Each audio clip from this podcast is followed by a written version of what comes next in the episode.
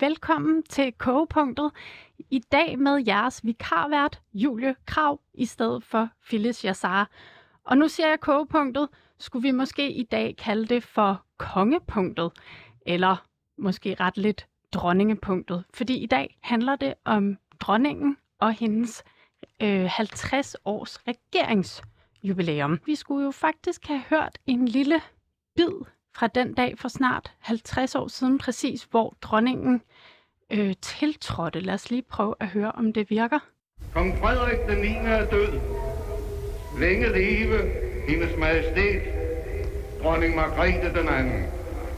Vi skal starte med at byde velkommen til de tre herrer. Jakob Heinl Jensen, øh, velkommen til dig, BT's royale korrespondent. Og øh, velkommen til dig, Jakob Sten Olsen. Du er royal kommentator på Berlingske.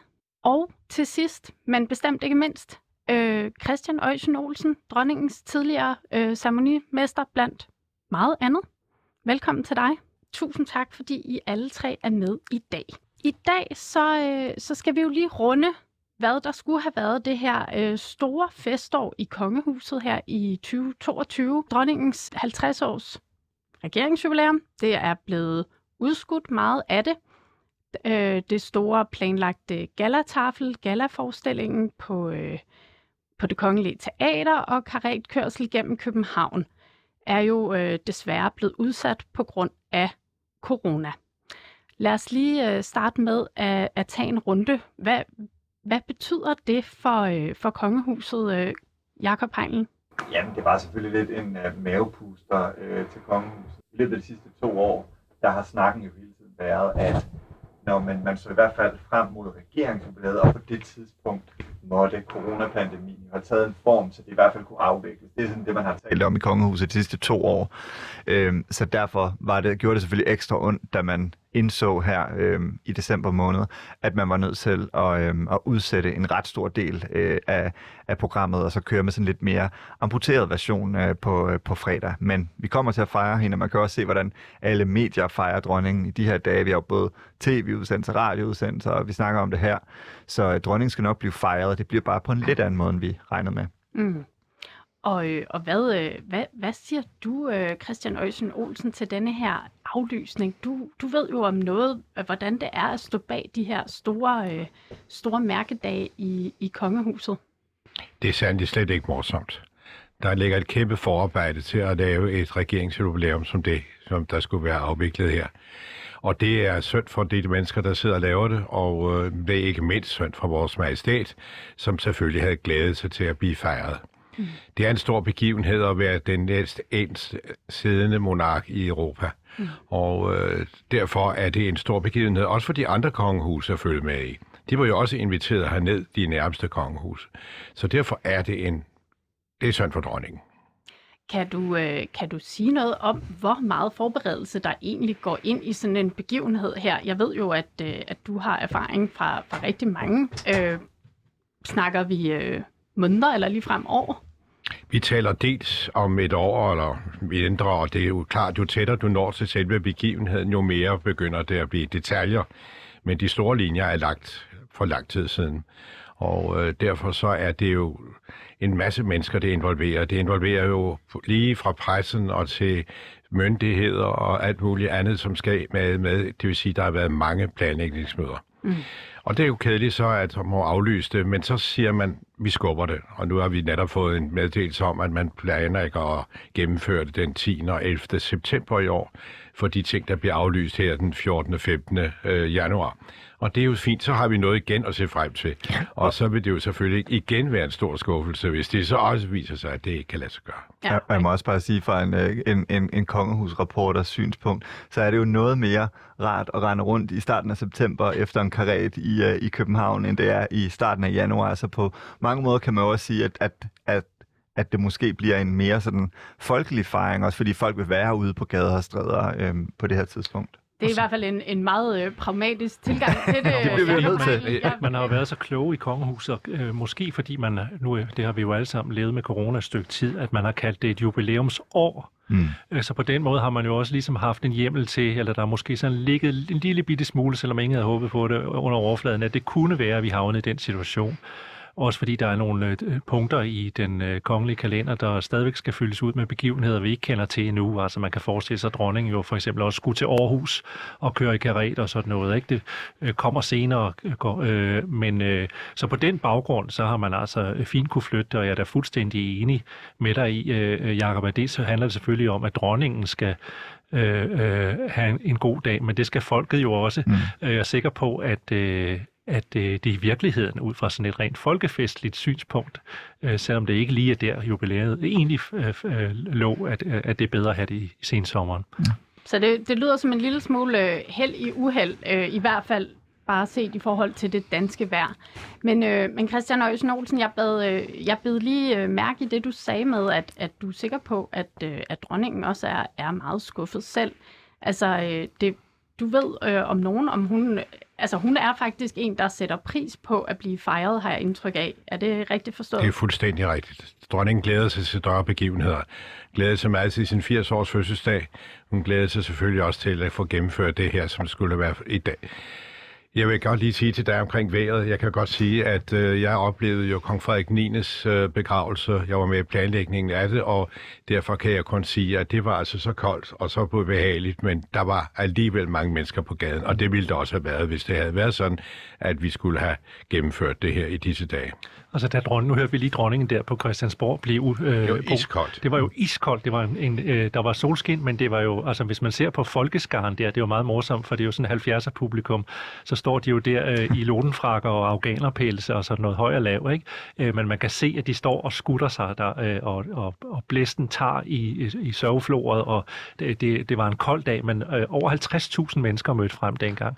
Og vi så det jo også, da prins Henrik øh, gik bort. Det var jo også i februar, ikke? Altså, folk trodser jo vejret. Altså, det, kongehusets popularitet er så høj, at man jo sikkert alligevel, som du også siger, øh, ville have set øh, utrolig mange mennesker på, øh, på gader og stræder. Men i vores dage er sådan noget jo også, øh, for, for hele landet kan være med til fejring, en tv-begivenhed. Mm. Og der kan man sige, at øh, nu får vi så forhåbentlig majestæten i, i åben vogn, i stedet for i lukket, og det er, det er der bedre tv-billeder i, trods alt. Ikke? Mm. Mm. Mm.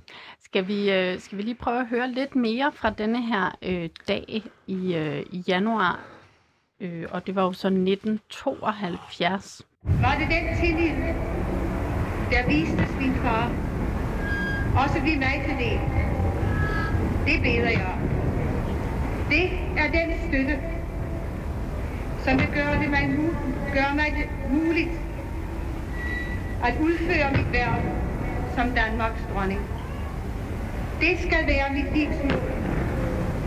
Og deri vil jeg lægge al min flid og al min kraft. Så hjælpe mig Gud.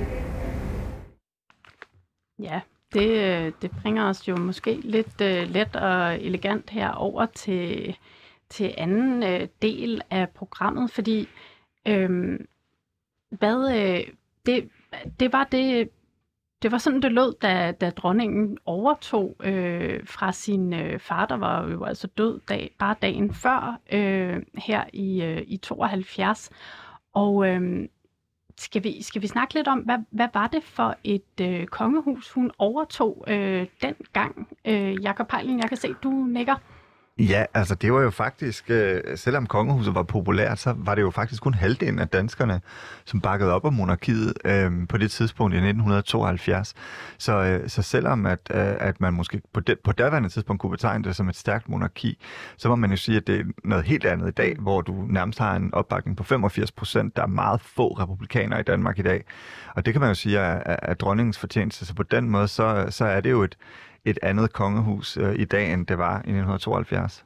Ja, du, øh, du siger jo lige præcis, hvad jeg har stående i mine øh, papirer her, at øh, jeg i 72 kun omkring halvdelen bakker op, og øh, den seneste måling, vi lige har kunne finde fra, øh, fra Gallup, øh, siger jo øh, de her ja, 84 mm. procent. Mm. Mm. Så, så helt klart en, øh, en meget flot øh, kurve opad. Øhm. Altså vi skal jo regne med, hvornår det her var. 1972, det er fire år efter ungdomsoprøret. Ja. Ikke? Hvad er det for nogle politiske vinde, der også blæser hen over samfundet? Mm. Øh, øh, altså det, øh, det var umoderne. Altså mm. kongehuset var umoderne, kan man sige. Ikke? Mm.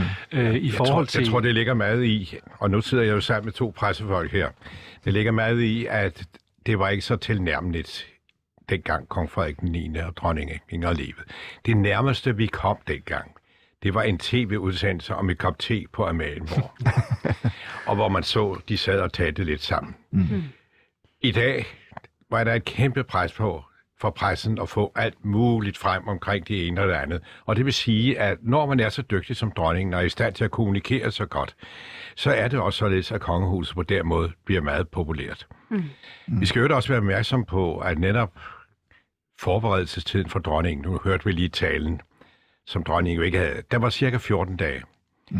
Kongen var holdt sin nytårstale, altså ikke ret ud, men han holdt sin nytårstale. Og jeg tror ikke, det har givet nogen refleksioner hos den unge familie, at det var jo prins Henrik, og det var to børn, at nu skulle de til at overtage tronen. Det vil sige, at det kom alligevel til at foregå meget hurtigt og meget rupt, og et afbrud på et normalt familieliv, som de havde. Mm. Og det skal man også tage med i billedet, at dronningen jo står fuldstændig der, næsten næsten uforberedt. Ja. Jeg, jeg kan heller ikke lade mig at tænke på, jeg synes, der er noget, der er meget interessant. Nu er jeg jo, jeg er jo kun 40 år gammel, født i 1981. Øhm, og dronningens tale har jo enormt meget Gud indenover, ikke? Altså Gud hjælpe mig, og, og hendes, øh, hvad hedder det, valgsprog, øh, hvad man, man kan sige. Jeg er meget interesseret i at, at egentlig finde ud af, at, eller at lære, hvordan bliver det, når kronprins Frederik øh, tager over. For man kan jo sige, at Gud er jo nok kommet til at fylde en lille smule mindre i de fleste danskers hverdag. Og, øh, og på den måde kunne man måske godt forestille sig, at, øh, at, at, at kong Frederiks tale den dag, den kommer, den vil være markant anderledes. Skal vi lige faktisk høre nu, øh, nu lægger du fint op til det, Heinel. Vi har jo faktisk dronningens valgsprog lige her. Guds hjælp, folkets kærlighed, Danmarks styrke. Ja, det var helt kort, men øh, Guds hjælp, folkets kærlighed, Altså nu er dronningen jo øh, overhovedet også for den danske statskirke. Mm. Øh, så øh, man har jo selv sagt, at hendes, religiøse, øh, øh, hendes fornemmelse for det religiøse og hendes egen kirkegang er jo noget, der er vokset med årene. Øh, hun gik meget sporadisk i kirke som ung. Øh, det gjorde hendes forældre sådan set også. Øh, men, det er men den oprigtige sådan, øh, interesse for det religiøse og øh, forståelsen af, øh, hvordan hun også, tror jeg, kan bruge det som privat menneske, og i den gerne, hun har, er vokset med årene. Ikke? Mm. Øh, men øh, øh, Frederik er jo nødt til, altså vi ser jo også, at den yngre del af kongefamilien jo går med i øh, til gudstjeneste i, i, til jul, i, til jul og sådan ja. noget. Uh, vi, vi må ikke glemme, at Frederik er, det kan godt være, at, det ikke, at man tog, nedtoner det religiøse aspekt i fremtiden, uh, i takt med, hvordan hele samfundet er. Men han er jo altså formand, havde nær sagt, for, for os alle sammen, ja. der er medlemmer, eller i hvert fald dem, der er medlem af Folkekirken, ikke? For, for den danske statskirke, den lutheranske tro her i landet. Ikke? Mm. Det står faktisk i grundloven grundloven, ja, at han er beskytter. monarken skal være ja. medlem af den evangelisk-lutherske kirke. Ja. Og dermed så tager man også den forpligtelse op, selvfølgelig, og betragtes som et slags overhoved af statskirken, selvom det ikke er således formuleret. Øh, der er der ingen tvivl om, at øh, kronprinsen vil da også tage de traditioner op. Det ligger jo i den danske kultur, det her. At vi har en kirke, og vi går i kirke juleaften, og vi gør de og de og de ting. Så kronprinsen vil givetvis også på en eller anden måde øh, få en forbindelse med det. Nu lader vi mærke til valgsproget, det bruges nu ikke ret meget. Ja. Altså, det er sjældent, vi hører dronningen bruge det selv, og øh, så derfor så er det noget, man siger en gang for alle, og så det står senere hen som valgsproget for dronning Margrethe den anden af mm. Danmark. Ikke? Men øh, ja, ja, kronprinsen vælger også et valgsprog, ingen tvivl om det. Der tror jeg ikke, vi skal se nogen revolution på det sæde. Mm. Men der er jo monarker før i tiden, som har haft valgsprog, som slet ikke har inkluderet vor herre. Ikke? Altså folkets kærlighed, min styrke, det er ja. mest berømte af dem, Frederik den 7. Ikke? Mm. Øh, som Margrethe jo også nikkede lidt til her. Ikke? Jo. Øh, øh, så så øh, det, det bliver spændende at se, hvad han vælger med den anderledes profil, han har. Mm. Men, men lad os lige vende lidt tilbage til, øh, der, der er jo gået de her 50 år, det er jo et halvt århundrede, hvor vi har haft øh, dronning Margrethe som, som øh, overhoved her i, øh, i Danmark. Øhm, Christian Øjsen Olsen, du er jo øh, du er nok den, der har, har været tættest på øh, undervejs i, i de her år. Du arbejdede blandt andet for, øh, for dronning Margrethe i 22 år som øh, ceremonimester. Kan du sige noget om den øh, forandring, måske, der er øh, dronningen har, har gennemgået i de 22 år som monark? Jeg synes, at det er mest i de senere år, at man har mærket, at dronningen har ændret en smule karakter. Mm-hmm. Dronningen er blevet mere sikker på sin gerning. Dronningen er blevet mere udadvendt, end hun har været tidligere. vi ser i disse dage nogle udsendelser, hvor dronningen fortæller lige åbent ud om mange, mange forskellige ting og sager, som gør, at dronningen er blevet anderledes, end hun indledningsvis var dengang. Der var dronningen lidt mere tillukket, kan man Hvad er sige. det, hvad er det for nogle øh, sager, du tænker på helt konkret? Jeg siger, de her tv-udsendelser, hvor dronningen fortæller om sit liv. Mm.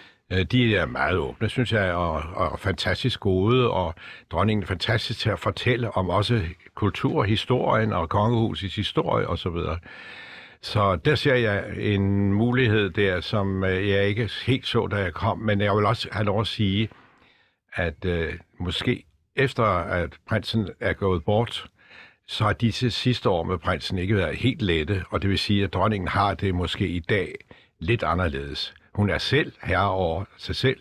Hun kan gøre, hvad hun nogen vil, og øh, det tror jeg også betyder meget for dronningens dagligdag. Det har hun jo selv været ude at sige, at det, øh, og det lyder så øh, opsigtsvækkende, når man siger det, at det også var en lettelse, at prinsen døde.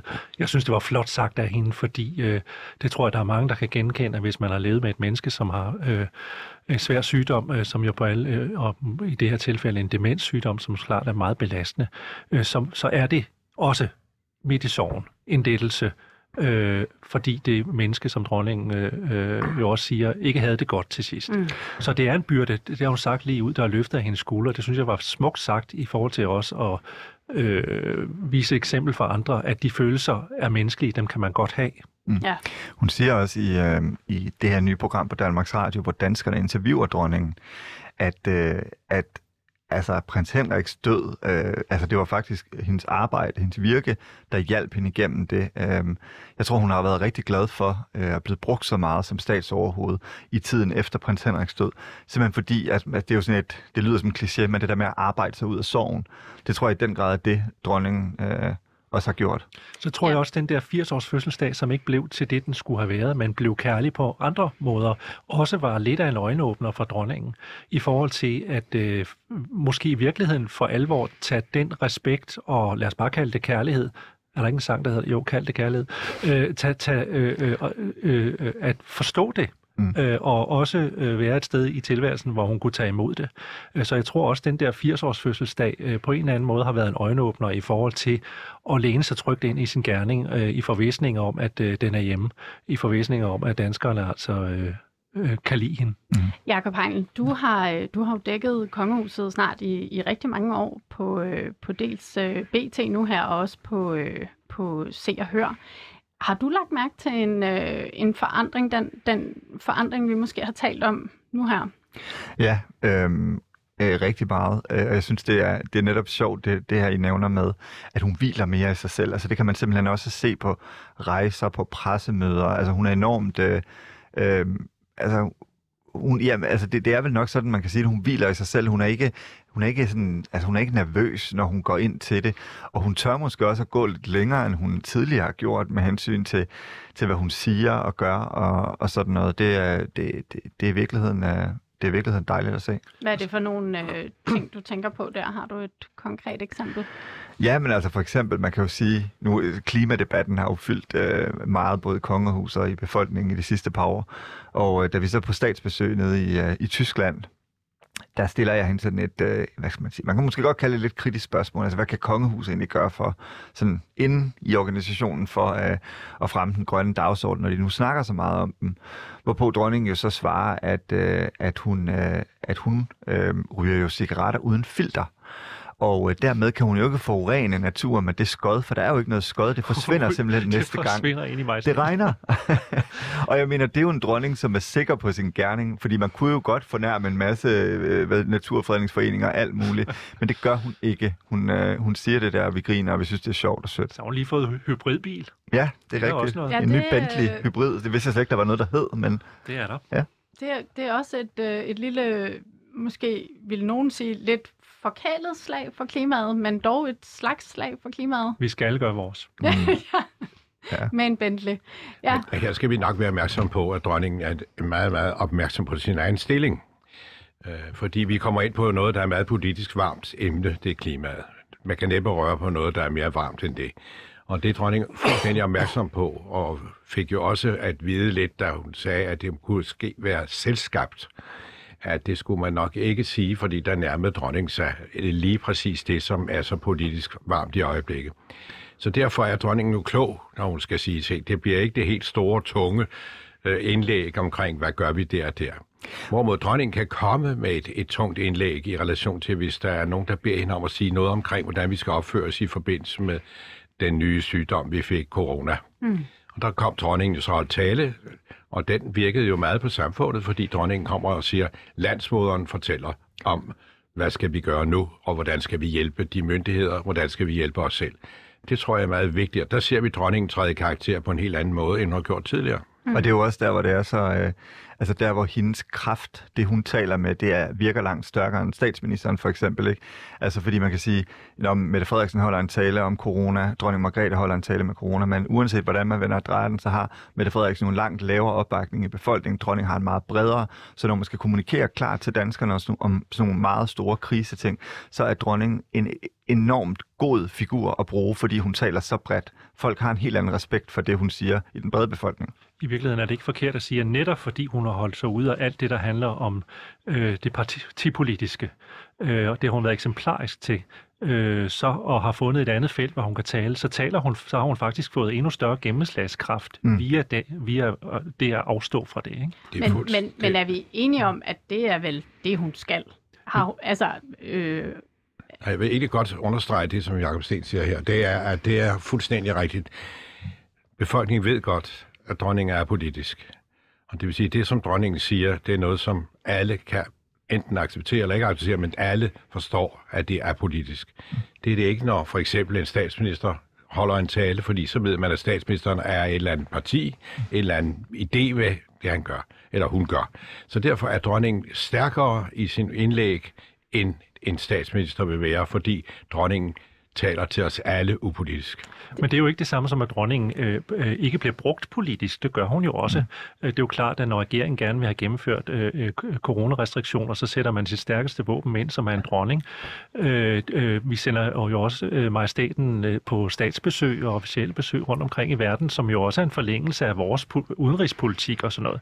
Øh, så, så, øh, men altså i forhold til øh, den, den hjemlige politiske scene, der har dronningen altid været... Altså, vi har jo ikke haft et eneste eksempel på en uh, reel politisering øh, af, øh, øh, fra, fra, fra dronning Margrethe.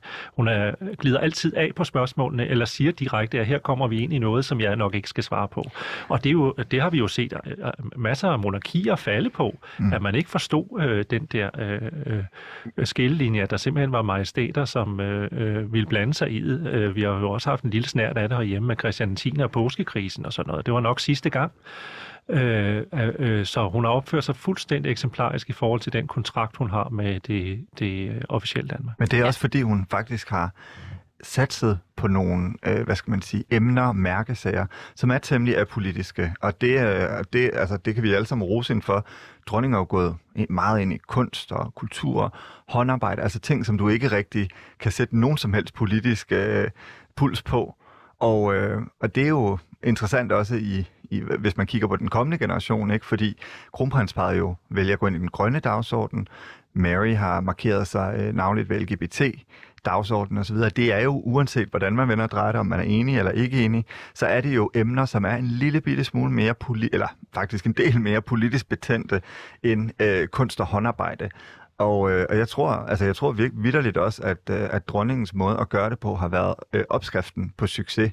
Det er derfor, at hun øh, har den brede øh, ja, så har hun en viden og en, et, uh, intellekt og en sproglig formåen, som har gjort hende stand til også at vælge et felt, hvor hun godt kan tale om noget med indhold, nemlig om Danmark og danskerne. Hvor, hvem er vi? Hvor kommer vi fra? Hvor skal Præcis. vi hen? Ja. Altså på sådan, øh, med øh, nogle gange en løftet pegefinger, altså det, som hun selv kalder et møgfald, og andre gange en opmuntring til os om, at vi godt kan, hvis vi tager os sammen og alle yder sit. Så hun har øh, fundet sådan et felt, hvor hun kan tale om, hvem vi er som danskere, hvordan vi opfører os, øh, hvordan øh, vi gerne vil være, sådan i overensstemmelse med de kristne bud, vores samfund nu engang er bygget på. Ikke? Mm. Og det gør hun fremragende, fordi hun er autentisk i den rolle, fordi alle ved, at hun er vidbegærlig, intelligent og har en sproglig formåen, som også gør, at hun kan tale om det, øh, der foregår mellem mennesker med, med vægt. Ikke? Du sagde før omkring statsbesøg, måske var det politisk. Og Der, der- hertil vil jeg sige, at det er jo nok således, at når vi er på statsbesøg, eller når dronningen er på statsbesøg, så er der altid ministre med, der dækker den politiske dagsorden, ved at der må stilles et spørgsmål. Det har jeg jo været med til utallige gange og set, når man sidder til pressemøder og andre, hvor der bliver stillet politiske spørgsmål, så siger dronningen elegant, værsgo, det har udenrigsministeren. Og dermed så er dronningen jo også safe. Mm. Og øh, det betyder, at dronningen kan, som du selv siger, hun har jo ikke mange muligheder for at give sig udtryk. Hun har sin nytårstale, som i princippet er lavet af statsministeriet, og som dronningen så laver om til sin egen tale med sit eget sprog osv., men den er garanteret af statsministeriet. Det britiske monark sidder jo faktisk og læser statsministerens tale op i øh, underhuset. Det har dronningen ikke gjort, og det har vi ikke gjort nogen tra- tra- tradition for at gøre i Danmark. Så hun har sin egen tale, som netop berører de ting, som er vigtige for dronningen, nemlig, skal vi sige, landsmoderen. I skal have det godt, I skal gøre sådan og så, I skal være gode mod hinanden, I skal være gode mod de nye danskere, I skal gå det. Alle de ting, som er vigtige, dem siger dronningen til os, så vi kan sidde og sige, ja, det burde vi jo nok gøre. Ja, men det, men det er jo så ikke, som du også siger, og, og som der måske nogle gange er lidt debat om, det er ikke noget, der, der opstår i fri fantasi. Det er noget, der, der kommer fra den øh, til enhver tid siden øh, statsminister. Og det er jo også der, hvor det bliver et snedigt, altså dronningen, vi kan godt sige, at hun er upolitisk, men hun bliver jo også et snedigt politisk greb, netop fordi, at man når ud til en bredere del af befolkningen, når dronningen tager ordene i sin mund, end når Mette Frederiksen tager det i sin. Hvad hedder det? Vi skal, øh, vi skal faktisk øh, videre til et øh, lidt nyt emne, fordi nu, øh, nu er der meget ros her i, øh, selvom jeg, jeg synes jo, jeg havde øh, inviteret også en, øh, en, en kritiker ind, øh, Heinl, men I er jo faktisk øh, I er rørende enige om, at, øh, at dronning Margrethe har, har klaret de her øh, seneste 50 år øh, meget flot. Men der har jo også været kriser. Øh, der, det er der jo nok i enhver familie. Der har jo i hvert fald været et øh, par stykker i, øh, i den danske kongefamilie, der har fra det sådan lidt mindre øh, farlige været prinser, der kørte for stærkt, prinser, der endda kørte galt i Frankrig, øh, da, da de var ret unge. Der har været en skilsmisse. Der har været prins Henrik sådan lidt øh, uventet pension og efterfølgende sygdom. Hvordan, øh, Jakob Heinen, øh, undskyld, øh, Jakob Sten Olsen, det er forvirrende med alle de Jakober. Hvordan, øh, hvordan synes du, at, øh, at dronningen har taklet de her kriser, der har været? Øh, jamen, det er jo gået meget godt, fordi vi har jo ikke, altså det, øh, ja, alle, øh, der har været ups and downs på den måde, men øh, når man kigger øh, Øh, ud i til andre monarkier, vi kan sammenligne os med, så er de altså øh, været ganske forsvindende få i, øh, i Danmark, og de har ikke været øh, nødvendigvis af samme karakter som øh, nogle andre steder. Altså man behøver bare at tænke, altså der, der, for nu at sige det lige ud, øh, der er der er flere ting, som vil kunne skade et monarki, og det har som regel noget med sex og penge at gøre. Altså at øh, folk, øh, øh, som nu der er jo en kæmpe skandale i Spanien i øjeblikket med Juan Carlos, som til syden har taget imod penge, han ikke skulle tage imod, og oven i købet har haft en elskerinde, og i Sverige har der også været øh, Den, tale den om... tidligere øh, spanske ja, elskerinde og sådan noget. Det har vi jo ikke haft været i nærheden af i vores kongehus, hvor, hvor de har opført sig som englebørn sammenlignet med. Ikke? Hvad, hvad synes du har været øh, den værste, hvis du lige Jamen, jeg synes egentlig, det, der har været mest øh, bedrøveligt og kritisk, øh, det har været håndteringen af prins Henriks demens. Øh, og der ved jeg godt, at øh, noget af problematikken handlede om, at øh, man længe ikke var øh, i stand til at få en diagnose, som man kunne melde ud og sådan noget. Øh, men det var øh, begyndt at blive øh, alvorligt, fordi øh, først, øh, for bare lige at opriste, øh, først skal dronningen holde 75 års fødselsdag, der udgår en besked om, at prins Henrik kan ikke være med, han er influenza. Øh, få dage efter dukker han glad og, og levende og smilende op nede i Venedig. Øh, øh, og øh, så meddeler øh, prinsen også, at han ikke vil begraves ved siden af sin kone. Han er utilfreds med, at han ikke har fået tildelt en ordentlig rolle i kongehuset, øh, og så fremdeles. Øh, meget kunne have været undgået, hvis man havde vidst, hvordan øh, sagerne stod. Øh, der var selvfølgelig også et hensyn at tage til prinsen, øh, men der synes jeg, øh, øh, diagnose eller ej, der synes jeg, man handlede for sent. Øh, det var synd for dronningen, og det var synd for prins Henrik, og det var synd for danskerne.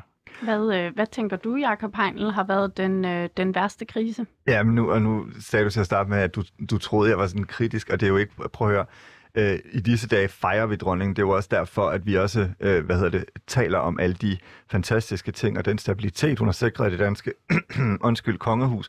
Og det mener jeg rent faktisk 100% hun har været ekstremt dygtig til. Men i hverdagen, i mit arbejde, der går jeg jo selvfølgelig også rundt og leder efter håret i suppen, eller hvad kan man sige, der hvor man måske kunne gøre det bedre, altså så øh, kører hun med en togvogn, der måske ikke er så miljøvenlig, øh, så øh, taler hun over sig med klimaspørgsmål. Selvfølgelig har der været alle de der sådan hverdagsting, men det er bare ikke noget, der har skadet hende.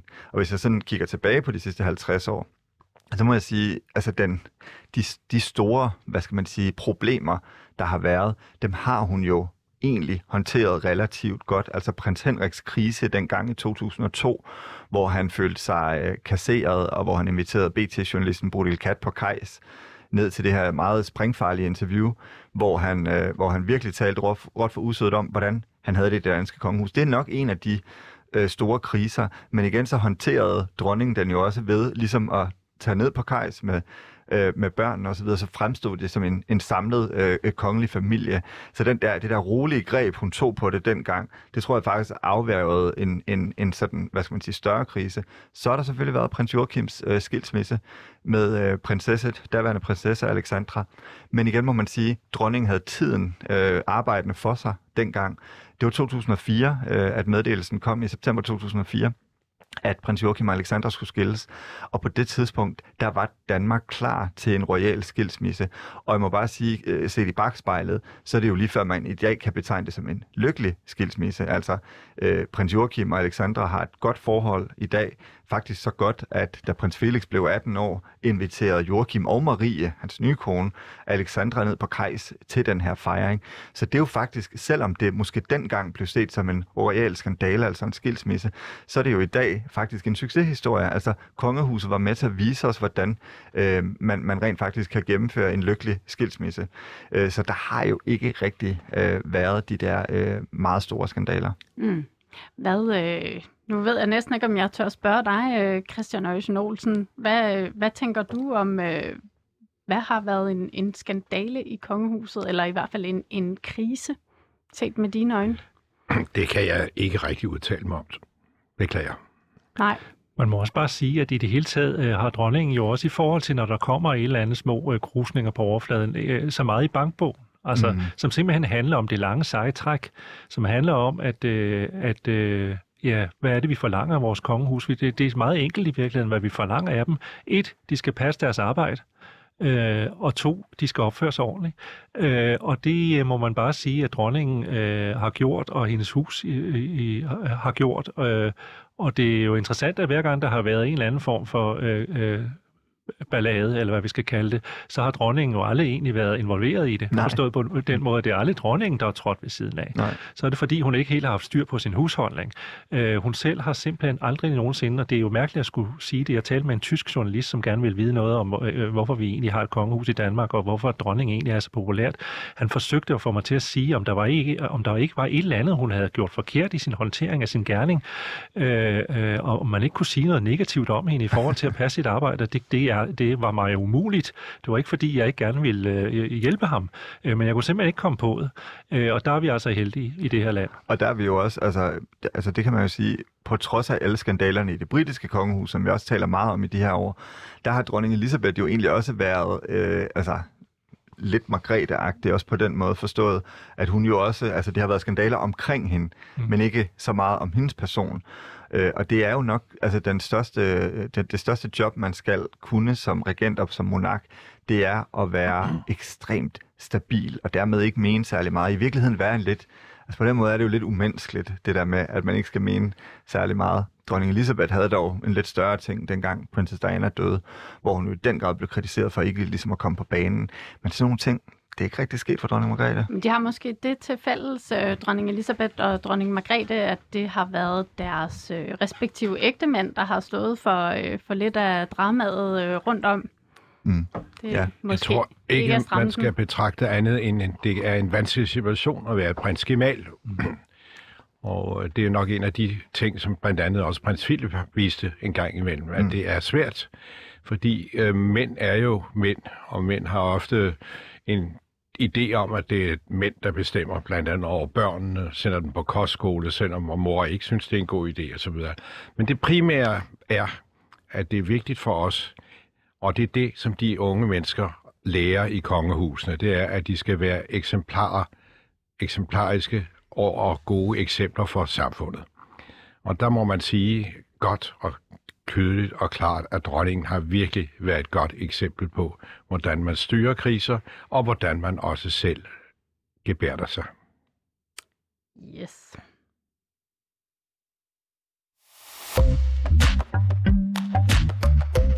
Nå, og nu skal vi tale om, hvad det er for et øh, kongehus, øh, som dronningen kommer til at give videre på et tidspunkt. Fordi hun, øh, hun fylder jo øh, 82 lige øh, her til april. Og, øh, og selvom hun øh, er rigtig godt kørende, så, øh, så er det jo selvfølgelig øh, relevant at, at se på, hvad, ja, hvad er det for et kongehus, hun kommer til at give videre til den, øh, den næste generation. Øh, og altså nu her, hvor jeg har samlet så mange øh, kyndige mænd på, øh, på én øh, gang, øh, helt kort, kommer hun til at øh, træde af tronen, kan man sige det sådan, før tid. Skal vi lige have en hurtig runde, Heinel? Aldrig, nej. Christian Øjsen Olsen. Dronningen er en meget klog dame, og dronningen vil ikke abdicere, før at hun selv mener, at hun ikke er i stand til at udfylde sin opgave. Og det betyder, at vi ikke kan sige andet, end dronningen dør i sin stilling. Mm. Og Jakob Sten Olsen. Absolut ikke, og det kan jeg godt forstå, fordi øh, det er jo noget underligt noget med det nedarvede privilegie i virkeligheden, hvis man kigger sådan lidt rationelt på det, ikke? Øh, at øh, i et moderne demokratisk samfund, så er der altså nogen, der har øh, arvet alene på grund af blodet den ganske usædvanlige position. Hvis det skal give mening, at øh, slægt skal følge slægters gang på den måde, øh, og du simpelthen er den ved fødsel, jamen så er du det jo også til du dør, altså som Margrethe, dronning Margrethe selv siger, til at falde af pinden. Øh, ellers giver det ikke mening. Øh, så nej, øh, jeg forstår hende godt i øh, forhold til, at hun, og det er jo et spørgsmål, hun tit får, øh, afviser det gang på gang og siger, jamen jeg bliver til, jeg falder af pinden. Ja, jeg så, at, øh, at Jyllandsposten havde lige været ude og, øh, og spørge i en, øh, en ja, gallupundersøgelse øh, endnu en gang, og der er jo... Øh, der er jo hele tiden danskere, der tror åbenbart, det kommer til at ske, eller håber, det kommer til at ske, og åbenbart ikke har fulgt med de sidste rigtig mange år, hvor den her samtale altså er, øh, er altså, dukket op igen og igen. Men det er jo et, et, det er jo et øh, altså, nu spurgte du før, hvad er det for et kongehus, hun sender, altså, hvordan er det, hun sender stafetten videre? Og det er jo på mange måder et, øh, altså, et, et meget mere stabilt kongehus, end det hun egentlig selv fik, og et meget mere øh, altså, samlende kongehus, end det hun øh, selv... Øh, altså, det er jo en, det er næsten ligesom, da Steve Jobs døde, hvordan han afleverede Apple. Ikke? Altså, det er jo et kongehus i en helt fantastisk, unik, øh, øh, hvad hedder det, øh, kondition, hvad hedder det? Tilstand. Tilstand. Tilstand, tak. Og, og dermed så er der jo også ekstremt høje forventninger til den nye generation. Øh, Ja, lad os lige, lad os lige uh, snakke lidt om det, fordi du, du var jo selv inde på lige før, at, uh, at uh, Frederik og Mary begge to på, på hver deres måde måske har, været, uh, har valgt at være lidt mere moderne, lidt mere politiske. Nogle vil måske sige lidt mere woke. Mm. Øh, hvordan uh, tror du, det kommer til at se ud, når de så lige pludselig er øverst på kransekagen? Altså, øh, jeg har skrevet lidt om det af forskellige omgange. Det er, øh, jeg vil sige, det er en lidt farligere kurs, fordi der er dele af befolkningen, man måske ikke får med. Øh, sådan en som Pernille Vermund har jo allerede været ude og, og kritisere den nu, og det er selvfølgelig den yderste del af højrefløjen, men det er trods alt øh, et, en leder af et politisk parti, som går ud og, og, øh, og kritiserer den kurs, de har valgt. Øh, altså den her igen, den grønne dagsorden, LGBT-dagsordenen, det som du kalder øh, woke, Julie. Men jeg må også bare sige på den anden side, hvis man skal tage de andre briller på, så er det jo også der, hvor den unge befolkning er. Og, øhm, og man kan sige, der hvor kongehuset måske har haft det sværest, det er i sådan nogle unge, venstreorienterede miljøer i, øh, i hoved, eller hvad hedder det? Jo, unge, venstreorienterede miljøer i hovedstaden for eksempel, der har kongehuset jo ikke stået særlig stærkt. Og, øh, og når Frederik og Mary ligesom går den vej, så fagner de jo måske en gruppe, som traditionelt ikke jeg set ikke har været så, så glad for kongehuset. Så jeg kan godt se, hvordan det politisk også, altså politisk også kan være smart for Frederik og, og, og Mary at få, øhm, at, få, at få den del af danskerne med ind. Men man kan jo bare også være nervøs for, at der er nogle andre, der falder fra.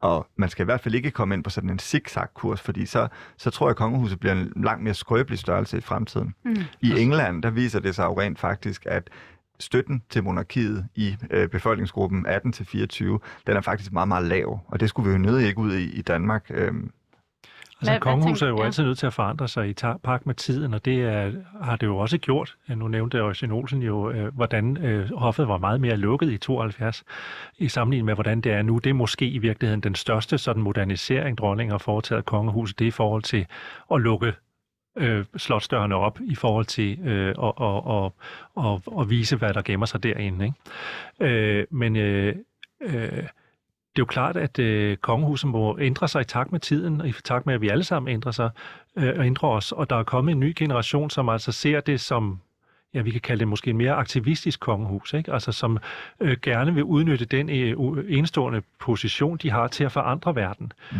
Øh, det har der jo egentlig ikke ligget i øh, øh, dronning Margrethes øh, opfattelse af sig selv, at hun skulle. Det har mere været sådan noget med øh, øh, og øh, øh, altså øh, emner, der lå tættere øh, øh, på os selv, og ikke så meget ude i verden, og, og måske øh, også øh, lidt ufarligere øh, Men det var også- protektioner ja. og sådan noget. Ikke? Mm. Øh, traditionelt har der været øh, tradition fra kongehuset, med, øh, fra dronning Ingrid og andre, øh, har taget sig af sociale emner og sådan noget. Det er sådan lidt en, kunne have været en lidt blødere variant. Her bevæger de unge kongelige sig altså ud i noget, øh, de mest brandbare politiske emner, øh, og det kan de gøre, fordi øh, øh, trods alt, fordi der er en bred politisk øh, opbakning inden for de her emner i forhold til, at jamen, vi, det er danske værdier, kan man vel nærmest kalde det. Vi synes, at øh, i et øh, moderne samfund skal LGBT-mennesker have det godt. Øh, vi synes, at øh, det er der også en bred politisk op, øh, øh, konsensus om, at klimaet er noget, vi må gøre noget ved. Det, de havde ikke kunne gå ind i klimaspørgsmål for bare fem år siden, hvor der var stor uenighed om, hvor menneskeskabt øh, klimasituationen nu egentlig var. Ikke? og man skal også at er at være jo- kronprinsfar. En af gangen. Men, men, øh, men, det, øh, men det, til trods for, at det er sådan brede politiske øh, emner, danske værdier, som de også kan rejse ud i verden med på en international scene. Verden er blevet meget globaliseret. Så er det også en farligere kurs, forstået på den måde, at inden for de emner, hvor meget vi egentlig kan være enige om det, er der jo forskellige diskurser og øh, forskellige opfattelser af, hvad det så, hvordan vi så skal øh, gøre noget ved det. Ikke? Øh, så så øh, øh, øh, der, der, der skal de, de, øh, den fremtidige generation altså have tungen lige i munden, fordi de bevæger sig derhen. Jeg forstår godt bevæggrundene, man vil gøre sig relevant, hedder det vel på moderne dansk, i forhold til nye målgrupper og i forhold til tidens gang, men det er også en farligere kurs, end dronning Margrethe har stukket ud. Ja, ja, kan du se, øh, Jakob Sten Olsen, pointen i det, som, som Jakob Heinlen siger med, at man, man risikerer jo at, at støde nogle danskere fra sig? Det gør man, øh, og det ser vi jo allerede nu, at, øh, at øh, der øh, er uenighed om for eksempel, hvorvidt øh, kronprinsessen bør øh, stille sig øh, op og holde, øh, gå arm i arm med LGBT-bevægelsen, som så øh, jo øh, samtidig har sanktioneret en en øh, pride uden for den enige pride, men altså en pride udenfor, øh, som, øh, hvor hvide mennesker for eksempel ikke måtte være med. Øh, øh, øh, kan, kan hun så det?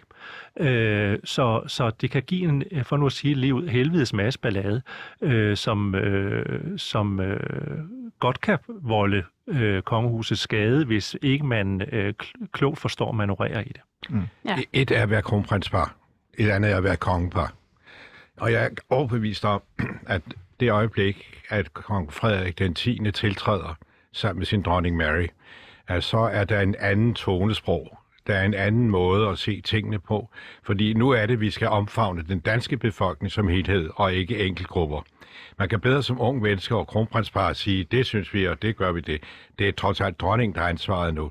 Det øjeblik, ansvaret ligger på Christian den 10, Frederik den 10. skuldre, så er det noget andet. Og så vil vi sikkert få en anden formulering på mange af de ting, som de siger i dag. Og det er også helt naturligt, fordi sådan skal det være. På den anden side skal vi også være opmærksom på, at et nyt kongepar skal jo også sætte sin egen dagsorden, og skal også prøve at sætte sig nogle linjer for den fremtid, hvor de skal regere på.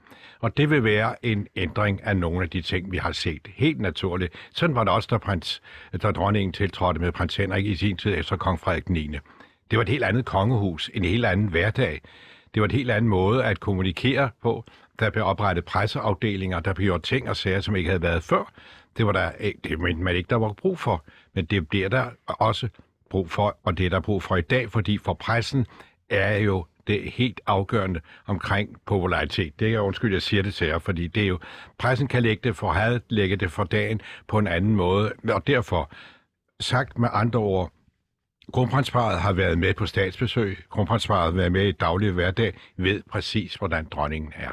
Kronprinsparet lærer af det, og jeg vil sige det som konklusion på det, jeg siger her. Når de tiltræder som kongepar, så vil de være opmærksom på, at nu er det ikke enkelte sager, det drejer sig om. Nu er det Danmark som helhed, og det vil sige, at vi må prøve at formulere nogle ting, som kan være forstået af den danske befolkning. Jeg er sådan set egentlig enig med dig, jeg tror faktisk også, at, at det bliver lidt sværere for os journalister at få dem på glat is, når de bliver kongepar. Ja. Øh, fordi at, at der er jo, når man følger de kongelige rundt, så er der jo en måde, man, øh, man har med dronning at gøre, og en måde, man har med kronprinsparet at gøre. Og jeg kan jo sagtens stå foran en eller anden dansk møbelpolitik i, i Milano, og så kommer kronprinsessen ud, og så stikker jeg en mikrofon og kamera op i hovedet, der står og snakker lidt med hende.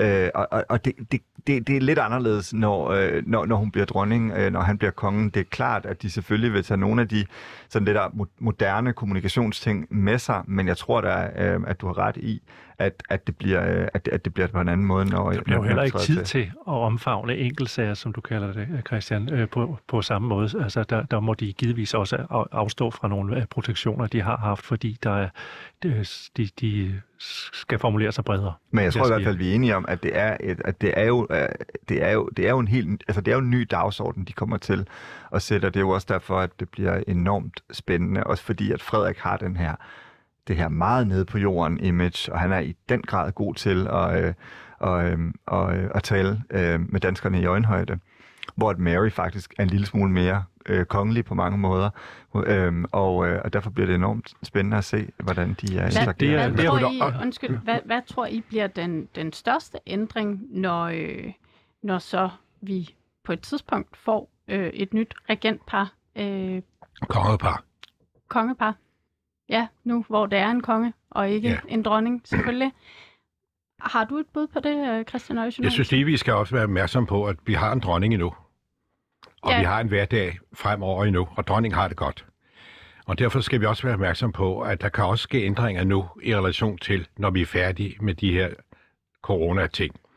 At vi vender tilbage til en hverdag, hvor vi eksempelvis i gamle dage havde et indgående statsbesøg om foråret, et udgående statsbesøg om foråret, et indgående om efteråret og et udgående om øh, efteråret. To sommertogter, en række andre selskabeligheder, en række andre væsentlige faktorer. Det skal man vende tilbage til igen, og der tror jeg, vi skal være opmærksom på, og her skal vi nok se lidt til England og se dronning Elisabeths måde at takle statsbesøg på eksempelvis, hvor hun sender de unge afsted. Mm-hmm. Jeg tror, vi skal regne med, at dronningen ikke nødvendigvis vil tage meget voldsomme, strapasserende rejser til udlandet, og øh, der vil hun nok sørge for at sætte kronprinsparet afsted i hendes navn. Mm. Og det vil sige, at der bliver en lidt anden hverdag for dronningen måske, når vi kommer tilbage til normalt igen. Mm. Og det øh, betyder også, at man ligesom kan sige, at kronprinsparet kommer til at komme mere ind i billedet. Mm. Og vi så også, at dronningen tog kronprinsen med på statsbesøg hos Danmark og i Tyskland, at det er for at få den støtte. og, Men, men er det ikke noget, vi har set over et par år, også før corona i virkeligheden? ej, ikke helt. om de er i hvert fald begyndt at fylde en større rolle. Altså det, det er i hvert fald, kronprinsen er i hvert fald blevet hentet med på, øh, på nogle statsbesøg. Kronprinsessen har også været med. Og sådan noget som erhvervsfremstød, som ja. Jo også er en vigtig del af kongehusets virke, det der med at fremme dansk erhvervsliv i udlandet, bla bla bla. Det kører øh, kronprinsparet jo faktisk øh, øh, temmelig øh, solo. Men så, så jeg vil egentlig gerne tilbage til mit spørgsmål. Hvordan, hvad, hvad kommer vi til at se? Altså, hvor- hvordan kommer vi til at se en anden, øh, ja, en anden type øh, kongepar til den tid, som vi selvfølgelig ikke ved, øh, hvornår bliver ganske kort. Øh, Jakob øh, Sten Olsen? Jamen, øh, s- de er klædt på til opgaven. Det ser vi øh, øh, alle tegn på. Øh, det, jeg tror ikke, vi behøver at være nervøs for det. Øh, med nogle små for- accentforskydninger, så er det jo, de skal gøre det til deres eget. Samtidig skal de jo så bevare en masse tradition. Øh, og det, det, det tror jeg bliver helt øh, smertefrit. Det jeg godt øh, ville kunne komme til os, nu øh, er jeg helt enig øh, med Christian Højsen Olsen i, at vi skal huske, at dronningen stadigvæk er her. Øh, men det, jeg kommer til at savne, det er hendes øh, evne til og fortælle danskerne om landet og folket og historien. Øh, for det har hun været helt enestående i, og det er i virkeligheden øh, nøglen til hendes øh, popularitet. Øh, det er der ikke så mange i den yngre generation, øh, øh, i hvert fald i kronprinsparet, som har helt den evne til øh, med overbevisning øh, og Øh, blandt andet fordi dronningen også har den alder, hun har, øh, men også de, de interesser, hun har, øh, og de oratoriske gaver øh, til at udfylde den rolle. Øh, så så øh, det, det øh, er noget, man skal arbejde med i kongehuset. Ja. Det bliver det sidste, øh, desværre. Undskyld, jeg korter dig af, øh, Jakob Heinl, men, men jeg skal simpelthen øh, til at sige tak for nu, fordi der er nyheder lige om lidt. Tak til, øh, tak til dig, Jakob Sten Olsen. Tak til dig, Christian Øjnsjøn Olsen. Og tak til dig, Jakob Heinl Jensen, fordi I var med. Tilbage er der jo sådan set kun at sige. Gud bevarer Danmark.